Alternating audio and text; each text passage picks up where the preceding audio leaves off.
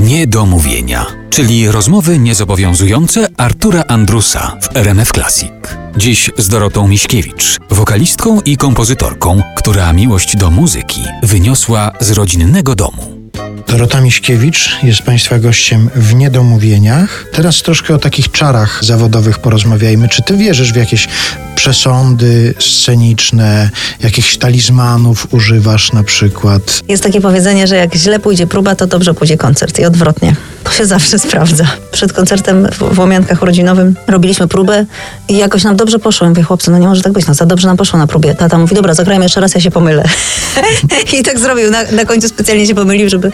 No też są jakieś takie zwyczaje, że się przydeptuje kartka, jak spadnie. Nie wiem, z czego to wynika. Czasami trzymam tak charakterystycznie y, dłoń, jak się boję, że zapomnę, co jest dalej, to wtedy ściskam. To jest chyba jakiś rodzaj mudry, nie wiem. Ściskam sobie po prostu palec y, wskazujący z kciukiem i mam wrażenie, że to mi pomoże przypomnieć sobie tekst piosenki. Do tej pory działało, odpukać.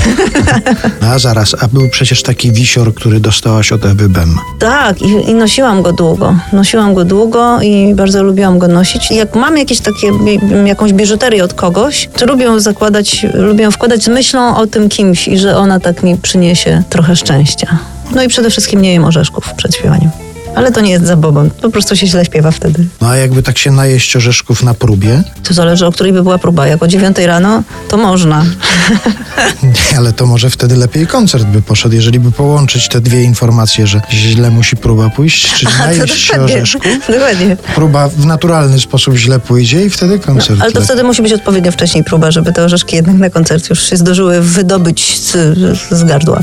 Jak się ciebie przedstawia, używa się jeszcze cały czas takiego sformułowania. Ja wiem, że to jest najbliższy ci gatunek jazz, ale czy sama powiedziałaś tutaj, że ty troszkę poza ten jazz wychodzisz? Gdzieś przeczytałem nawet, że określa się ciebie jako wokalistkę ponadjazzową. To ostatnio przeczytałam i tak mi się to spodobało, bo to od razu pokazuje, że wywodzę się z jazzu i że no, to jest mój korzeń i bardzo lubię, ale śpiewam tak dużo różnych rzeczy i jeżeli ktoś się mnie pyta właśnie, czy jestem jazzową wokalistką, czy nie, to ja nigdy nie wiedziałam, co powiedzieć, bo z szacunku dla tych wszystkich wielkich jazzowych div, to nie mogę powiedzieć, że jestem wokalistką jazzową, ale z drugiej strony, czy ja jestem po prostu wokalistką popową, piosenkarką, nie, no, nie, nie wiedziałam, jak to powiedzieć. A teraz już będę zawsze mówić, że jestem wokalistką ponadjazzową. Nie zauważyłaś takiego zjawiska, że w tym takim szerokim odbiorze e, słowo jazz odstrasza trochę, że no jak to jest wokalistka skojarzona z jazzem, to to będzie za trudne na pewno. To publiczność tego nie załapie. Zdarzyło boją się coś takiego? No, no, no bo to jest trudna muzyka. Poza tym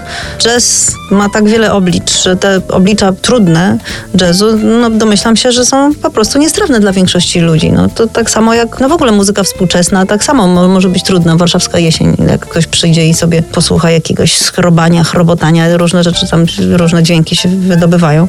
I w jazzie... Mm, też tak może być, nawet niektóre rzeczy dla mnie są za trudne. Jak słucham, to zawsze próbuję nadążyć, gdzie tu jest raz na przykład, czy no nie wiem, no, słucham tak analitycznie i, i czasami nie wiem kompletnie, co się dzieje. Ale może nie trzeba słuchać i podążać dokładnie, wiedzieć, co się dzieje. Ja wiem, pamiętam, jak moja babcia przyszła na mój koncert i po koncercie podchodzi do mnie i mówi, wiesz, co mi się najbardziej podobało?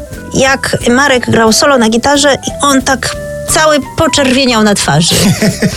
I to być może to jest kwintes- kwintesencja jazzu, że te emocje, które podczas grania improwizacji są tak wysokie, tak duże, że aż to na wszystkich działa. Proszę zwracać uwagę na to, jeżeli Na kolor twarzy. tak, jeżeli mu, muzyk poczerwieniał, znaczy, że było coś fantastycznego dobrze. przed chwilą. No na moją babcię to podziałało, ewidentnie.